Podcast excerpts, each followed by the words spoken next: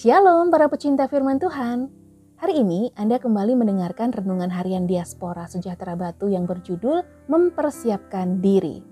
Bacaannya dari Wahyu pasal 2 ayat 8 sampai 11. Ayat 8 sampai 11 kepada jemaat di Smyrna. Dan tuliskanlah kepada malaikat jemaat di Smyrna, inilah firman dari yang awal dan yang akhir, yang telah mati dan hidup kembali Aku tahu kesusahanmu dan kemiskinanmu, namun engkau kaya dan fitnah mereka yang menyebut dirinya orang Yahudi, tetapi yang sebenarnya tidak demikian. Sebaliknya mereka adalah jemaat iblis. Jangan takut terhadap apa yang harus engkau derita. Sesungguhnya iblis akan melemparkan beberapa orang dari antaramu ke dalam penjara supaya kamu dicobai dan kamu akan beroleh kesusahan selama sepuluh hari hendaklah engkau setia sampai mati, dan aku akan mengaruniakan kepadamu mahkota kehidupan. Siapa bertelinga, hendaklah ia mendengarkan apa yang dikatakan roh kepada jemaat-jemaat. Barang siapa menang, ia tidak akan menderita apa-apa oleh kematian yang kedua.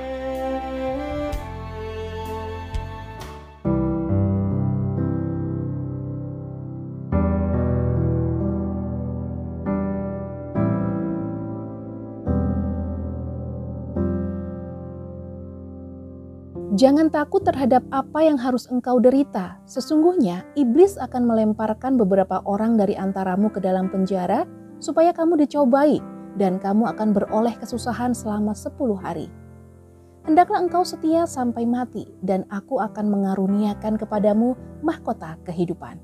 Wahyu pasal 2 ayat 10. Jemaat di Smyrna mendapat pujian dari Allah dan sekaligus mendapat peringatan bahwa mereka akan menghadapi penganiayaan. Meski demikian, jemaat yang digembalakan oleh Polikarpus, murid Rasul Yohanes tersebut tidak akan ditinggalkan Tuhan dalam masa-masa penganiayaan.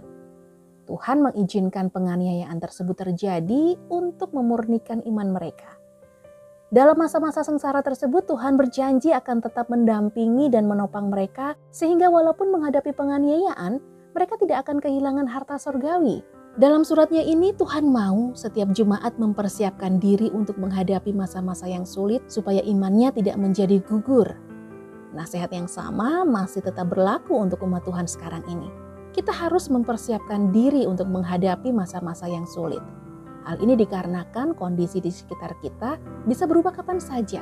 Artinya tidak menutup kemungkinan penganiayaan terhadap anak-anak Tuhan bisa terjadi kapan saja walaupun kita tinggal di negara yang berlandaskan Pancasila.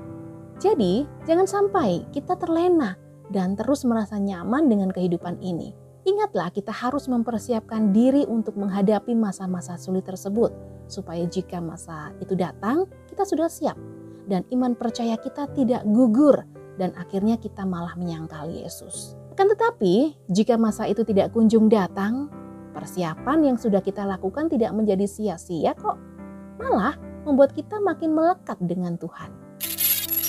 Sebab itu ambillah seluruh perlengkapan senjata Allah supaya kamu dapat mengadakan perlawanan pada hari yang jahat itu dan tetap berdiri sesudah kamu menyelesaikan segala sesuatu. Efesus pasal 6 ayat 13. Tuhan Yesus memberkati.